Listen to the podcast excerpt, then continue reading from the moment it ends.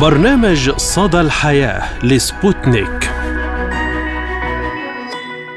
مرحبا مستمعينا الكرام في كل مكان. من حلقة جديدة من برنامج صدى الحياة نقدمه لكم أنا فرح القادري. وأنا عماد الطفيلي نتحدث اليوم عن مواضيع متنوعة وأهم أخبار الترند لهذا الأسبوع. ونبدأ الحلقة بموضوعنا الرئيسي حول وضع القطاع التعليمي في لبنان في ظل الأزمة الاقتصادية الحادة وإضراب الأساتذة اللبنانيين عن العمل ومستقبل الطلاب على حافة الهاوية.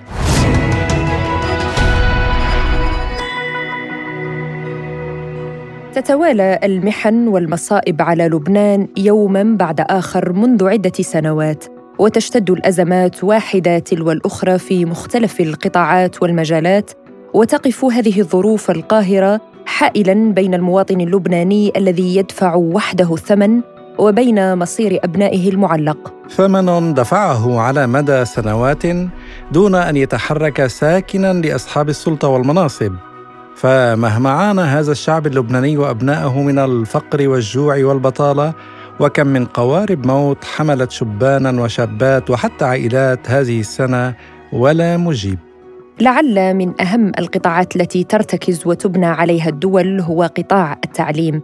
بل وأصبح أحد مؤشرات قياس تقدم الأمم والدول هو القطاع التعليمي فدون تعليم لا يمكن أن يتحقق النمو والاستقرار والاستدامة. ودون تعليم لا يمكن للشعوب أن تنهض وتتطور فإذا ما ضرب هذا القطاع ضرب عصب المجتمعات. ووسط هذه الأزمة الاقتصادية الحادة في لبنان وفي ظل تآكل قيمة الرواتب وخسارة الليرة اللبنانية أكثر من 90% من قيمتها أمام الدولار الأمريكي لا مخرج ولا حل أمام أساتذة قطاع التربية والتعليم سوى الإضراب للمطالبة بحقوقهم ودفع مستحقاتهم وحوافز وعدوا بها. إضراب الأساتذة في المدارس الرسمية في لبنان يدخل أسبوعه الثامن فيما يعيش عشرات آلاف الطلاب والطالبات قلقا بالغ الخطورة على مستقبلهم فهل ستتحرك الجهات الرسمية وتسارع لتلبية مطالب الأساتذة؟ وهل هذا أمر متعمد لضرب قطاع التعليم اللبناني وجودته الذي لطالما كان في التصنيفات الأولى عالمياً؟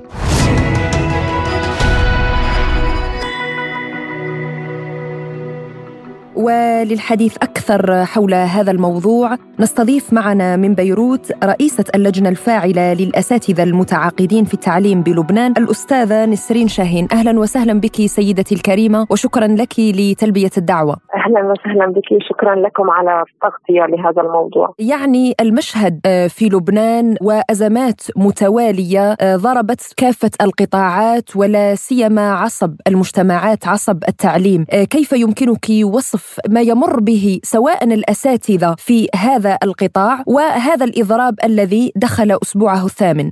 للحقيقة فعلا اليوم لبنان عم يشهد كارثه على كافة الاصعده، انهيار تام للقطاعات مؤسسة الدولة آه، يعني أمنيا قضائيا آه، اجتماعيا كافة المجالات اليوم القطاع التربوي وصل للقهر إذا بدنا يرتطم الانهيار الكبير آه، رسمي وخاص الرسمي فعلا نحن اليوم دخلنا الأسبوع الثامن على الإضراب والخاص بدأ صار 20% دخل الإضراب، القطاع الرسمي للأسف آه، عندنا السلطة في لبنان يعني في مؤامرة على التعليم الرسمي لأن عندها المؤسسات الخاصة التابعه لها وعلى مر الوقت كان عندنا دائما 70% آه، تعليم آه، خاص و30% 35% تعليم رسمي. وكرماله عم نستنزف التعليم الرسمي لصالح التعليم الخاص، اليوم القدرة الشرائية للليره كثير تنخفض بلبنان، بالتالي المعلم مصر 20 دولار و50 دولار واللي حتى الأهالي بطلوا قادرين الطالب عم يدفع ترى يوصل على المدرسة وحلقة مفرغة عم ندور فيها فأجبرنا على الإضراب طيب أستاذة نسرين برأيك ما هي مطالب الأساتذة وأنت اشرتي إلى نقطة مهمة وهو أن الليرة اللبنانية ضربت حتى تدنت رواتب الأساتذة إلى ما دون ال 100 دولار شهريا.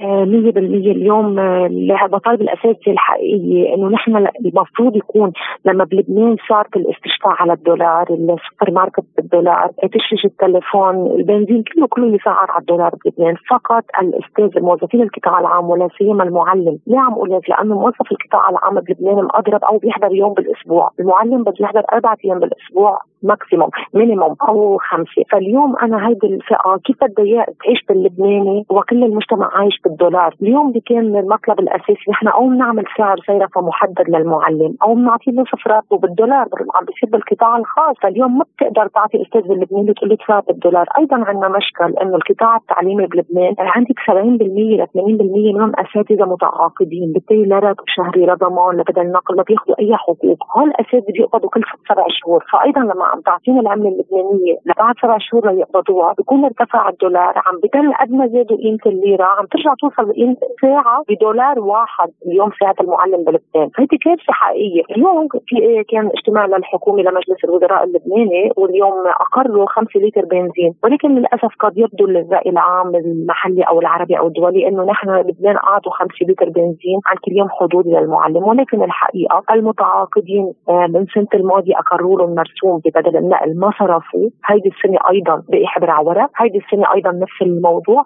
هلأ بيقولوا لهم نعطيكم فقط عن ثلاث أيام حضور وبتكثفوا حضور لتعوضوا للطلاب يلي فاتوا. يعني الأستاذ بده يحضر خمس ست أيام للمدرسة وياخذ فقط عن ثلاث أيام بدل نقل وهيدا إذا طبقوه. فاليوم للأسف هيدي الحكومة يعني لا تصلح بأن تحكم لبنان. هيدي الحكومة يعني خلص البلد صار بمرحلة في تقولي فينا نسكر لبنان وننطر مين يجي ينقذنا. لأنه هيدي الحكومة ما فينا. ناس عم بتخرب. ناس ما عم تعرف. يعني أنت عم بتقولي لموظف أنا عم بعطيك راتب. ما بكفيك تعيش. بس أنت بدك تشتغل فيه. فمعناتها أنا بعرف هيدا الموظف عم يسرق ليعيش أو عم يكون يعني إنسان غير مؤتمن على وظيفته أو مش عم يشتغل عم ياخذ راتبه بلا ما يشتغل. فاليوم الفساد يولد فساد وحلقة مفرغة.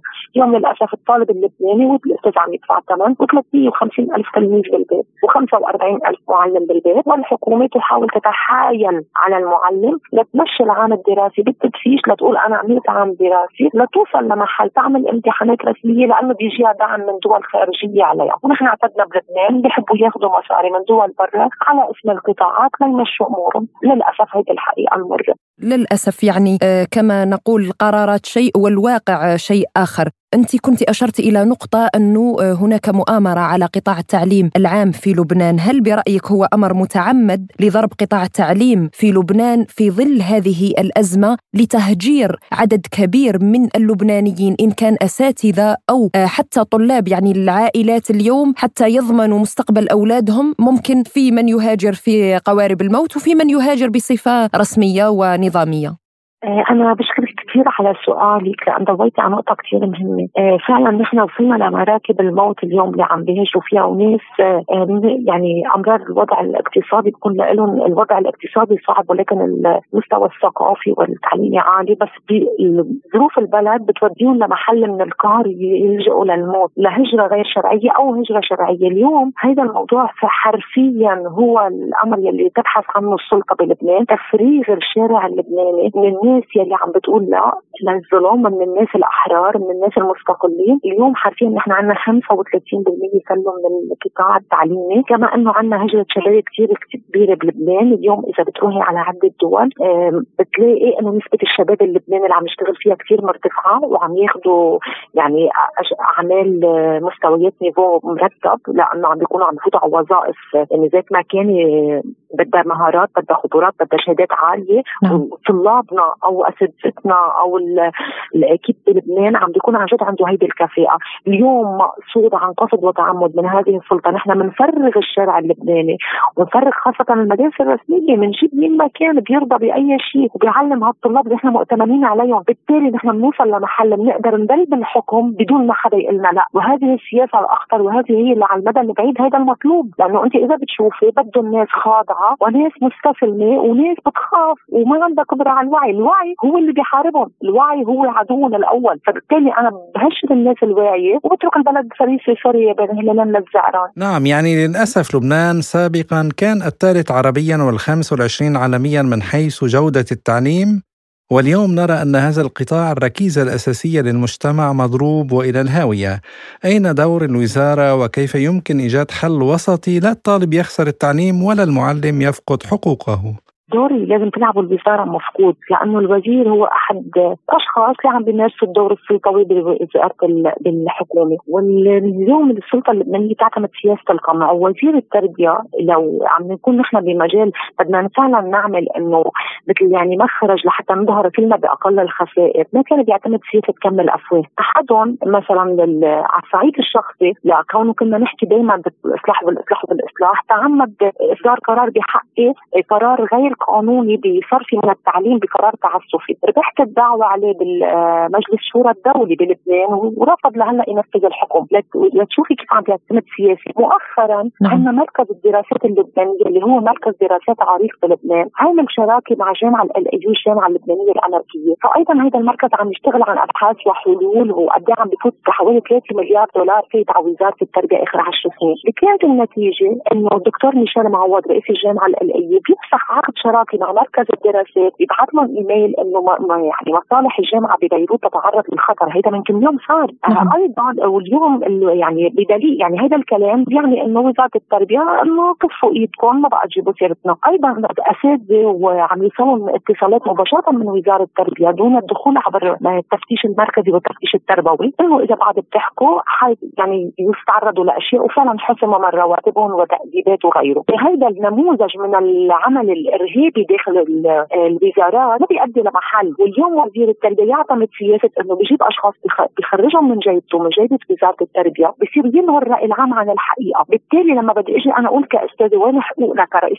نحن في 20000 أستاذ لهم حقوق. بيصير يموه الرأي العام بأمور قشور بقول لما عم يمشي العام الدراسي؟ اليوم لنوصل لحل وسط ليرجعوا الطلاب. المفروض أقله أنا بسألك وبسأل المستمعين. الأساتذة لهم من العام الماضي ومن هيدا العام ما أخذين حقوقهم وفي قوانين ومراسيم بقلب ادراج وزير التربية وهلا يمكن ما في وقت تحكيها بس انه هيدي قد ما بدهم أنا بفوت فيها وما هي كلها بالوقائع الوزير مطبقة. فاليوم يدعي إنه الحلول مش عنده انه أزمة اقتصادية ونحن بنعرف مش هيك. في آه، مراسيم وقوانين وفي مصاري وصلت. أخذوها صرفوها بغير محل على الكهرباء وغيره وغيره. الأموال هي كانت للأساتذة. فاليوم ما بده يطبق القوانين والمراسيم. اليوم أول حل بيبدأ لما الأستاذ من سنه الماضي له سنة له مصاري مع وزير التربية من سنة مش قابض ومن سبع شهور مش قابض. فعلوا على الأقل يلي له معك من الأعوام السابقة ومن أول فصل ترجع تحكي بعد إنه عن حلول بعدين لما بتقول بدك تقبضوا شهري عملت مرسوم بمجلس الوزراء الجلسة الماضية واقريت للجامعة اللبنانية لأنه فيها متعاقدين ينتمون حزبيا وسياسيا لكم بينما الأساتذة اعتبرتون يعني التعليم المدارس إنه أقل فئة من أساتذة الجامعة فبنمشيها يقبضوا كل سبع شهور طب اللي بدك تقر لي اليوم فتات بيقبضوا بعد سبع شهور بدولار على ارتفاع شو بعد له قيمة؟ ليه ما أقريتوا مرسوم قبض شهري؟ على الأقل هيدا الفتات يقبضوا الإستاذ شهريا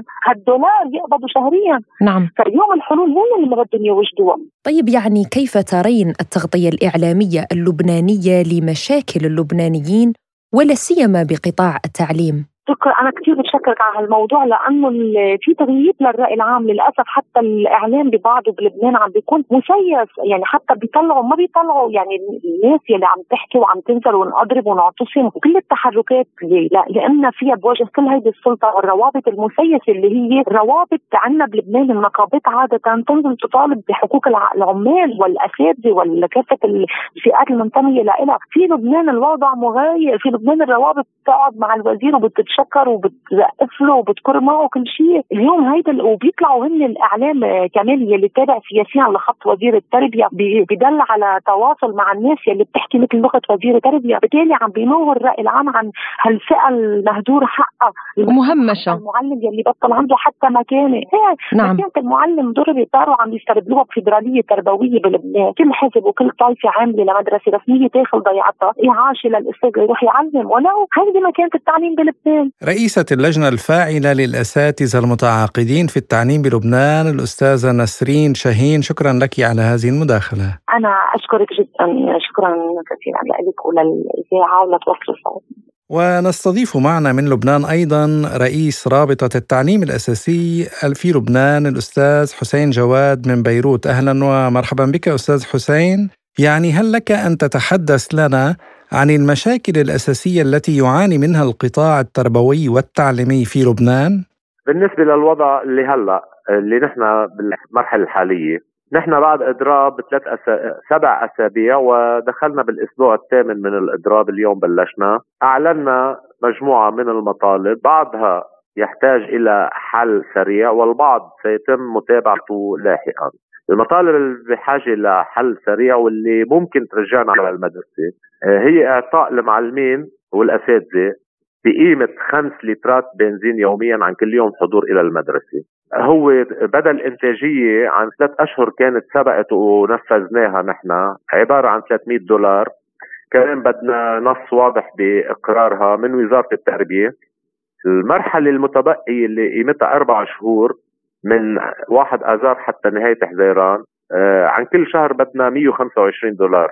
والنقطة الأخيرة اللي قدمناها وهيدي مبادرة نحن طرحناها على الوزير يعني اللي عم أقول لك إياهم آه أن يستفيد العاملون في دوام قبل الظهر وبعد الظهر من بدل إنتاجية مرتين لأنه عم ينفذوا أعمال بمدرستين. هاي آه الأربع نقاط نحن بحاجة لأنه تكون عم تتعالج من وزارة التربية حتى نطلب من المعلمين عبر الهيئات الإدارية للرابطة تجتمع وبتقرر تعليق الإضراب طيب يعني هل ترى أن وضع الحكومة اللبنانية الآن في ظل هذه الأوضاع الاقتصادية الخانقة التي يعاني منها البلد والمجتمع يسمح بتلبية مطالب الأساتذة برأيك؟ أقرت الحكومة سابقا مبلغ 1050 مليار هول عبارة عن دفع بدل إنتاجية لقطاع التربية في 3 مليون دولار هن آه، هبة موجودين بوزارة المالية لصالح وزارة التربية وفي 7 مليون دولار. يعني بدل الإنتاجية هو مؤمن مش بحاجة لحكومة تكون عم تجتمع بحاجة إلى إعداد تصريح أو نص واضح من وزير التربية عن كيفية الدفع ومواقيت الدفع. يعني أي متى بده يكون عم يدفع للمعلمين. آه، من الضروري جدا أن تسعى وزارة التربية وبأسرع وقت ممكن إلى إقرار هذه المبادرة أو المطالب للمرحلة الحالية لأن هناك مطالب آه، سنستمر بالمطالبة فيها آه، اللي هي معالجة موضوع الاستشفاء عند المعلمين. هذه آه، أكيد يعني ما راح نكون تاركينها وفي موضوع ثاني تحسين رواتب المعلمين من خلال تثبيت رواتبهم وقيمة رواتبهم على سعر فيرفا مخصص، هول الاثنين لأن ما علاقتهم بوزارة التربية وما رح نربطهم هلأ بالعام الدراسي ولكن مش رح نتركهم كنقطتين، على وزارة التربية ككلام أخير أن تس أن تعمل بكل جهد إلى تحقيق مطالب المعلمين اللي ذكرناها من أجل إنقاذ العام الدراسي لأنه فتنا بمرحلة الخطر على العام الدراسي وعلى الامتحانات الرسمية.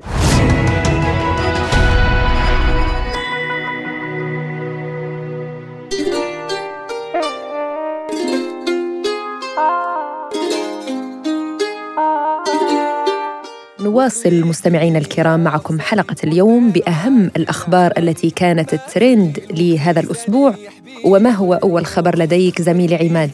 نعم فرح الخبر عن الفنان المغربي سعد المجرد صدور حكم حبسه بست سنوات في قضية اغتصاب شابة فرنسية من محكمة الجنايات الفرنسية.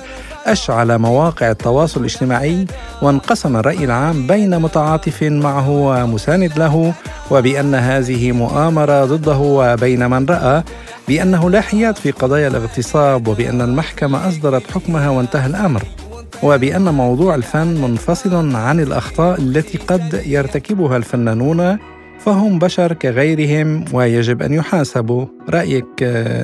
يعني أنا كان لي رأي كمان بهذه القضية وحتى أنه كتبت بوست على مواقع التواصل الاجتماعي أنه سعد المجرد تحديدا كفنان عالمي ومشهور هذه مثل السيناريو الذي حدث مع أمير الأغنية الجزائرية أغنية الرأي الشاب مامي حين وصل للقمة في عطائه الفني والغنائي ضربوه بهذه القضية وكذلك فتاة فرنسية واتهموه بأنه اغتصبها.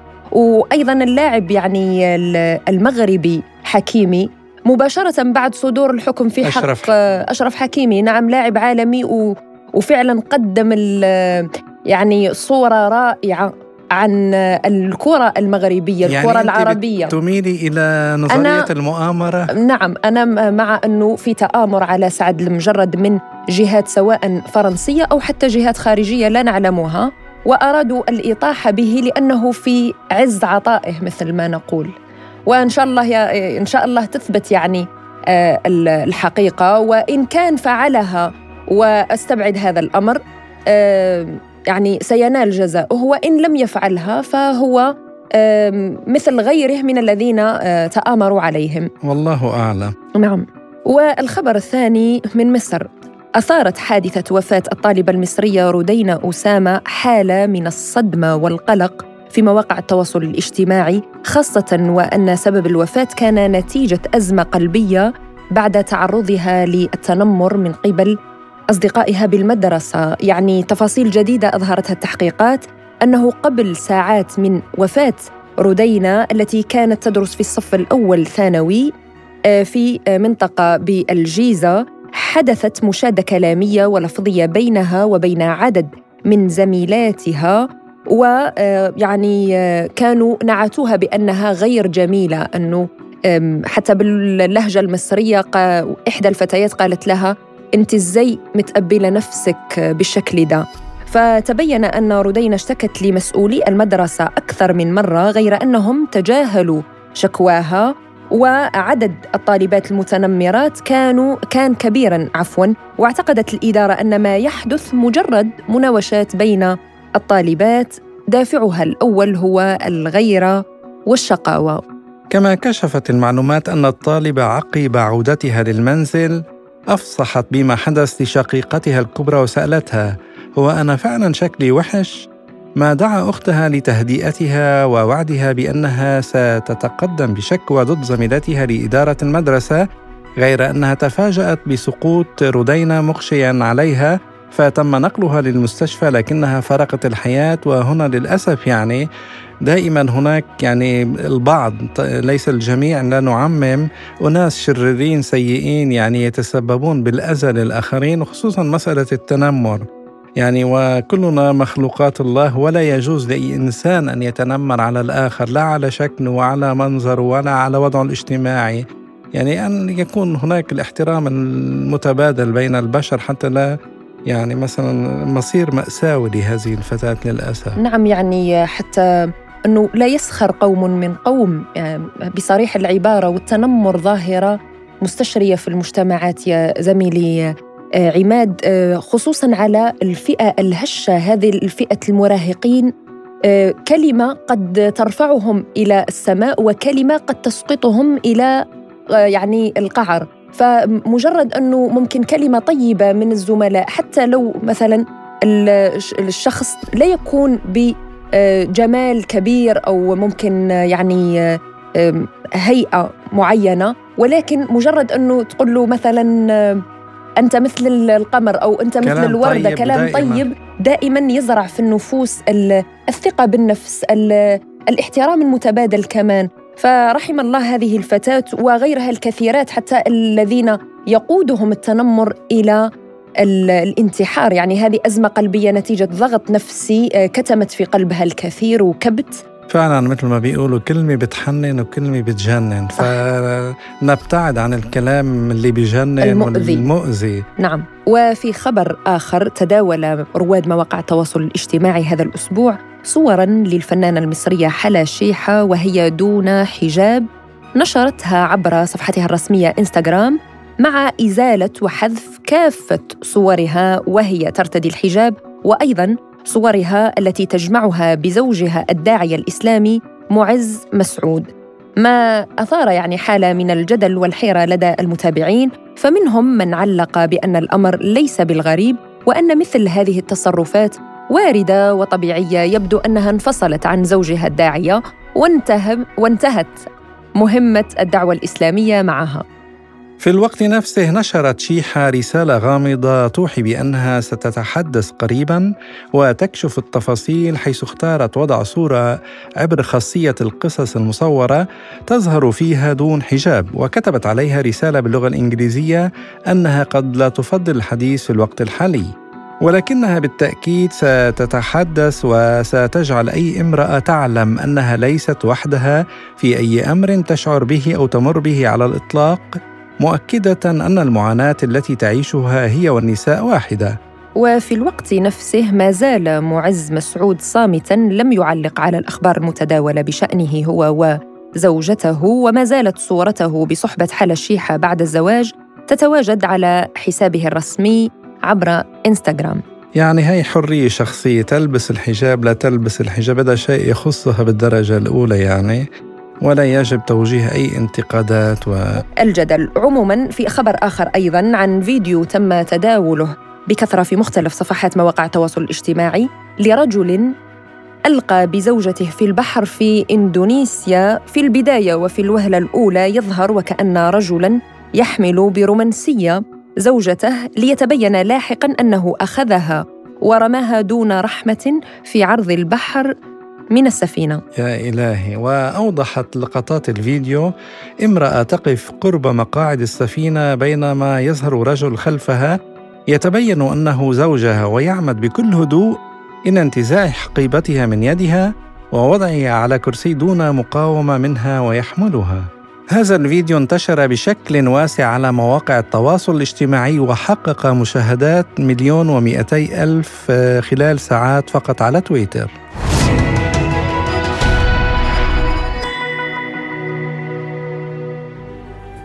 والى القرية التراثية بالرياض مرآة عاكسة للتاريخ السعودي.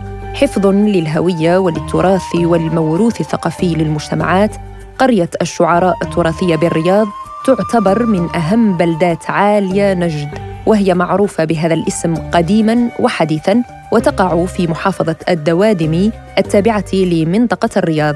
تحدث الدكتور الفنان محمد عيسى عن تأسيس الدولة السعودية الأولى وقال لصدى الحياة من عام 1727 وقبل ثلاث قرون تم تأسيس المملكة العربية السعودية بقيادة الإمام محمد بن سعود ثم جددها تركي الأول ثم المؤسس عبد الرحمن بن عبد العزيز آل سعود. طيب الله ثراه وأمناءه البررة. ونحن الآن في عهد التغيير. في عهد التغيير ذو الرؤية الصائبة والحمد لله. تم الآن النماء الاقتصادي الفكري السياحي وأيضا حماية الآثار. فحفظ الله وطني وقيادتنا وشعبها من كل سوء وشر. الباحث التاريخي السعودي الأستاذ عبد العزيز العجاجي تحدث لنا عن أهمية القرى التاريخية وقال لصدى الحياة تتميز القرى التاريخية أو التراثية في المملكة العربية السعودية بأنها ساهمت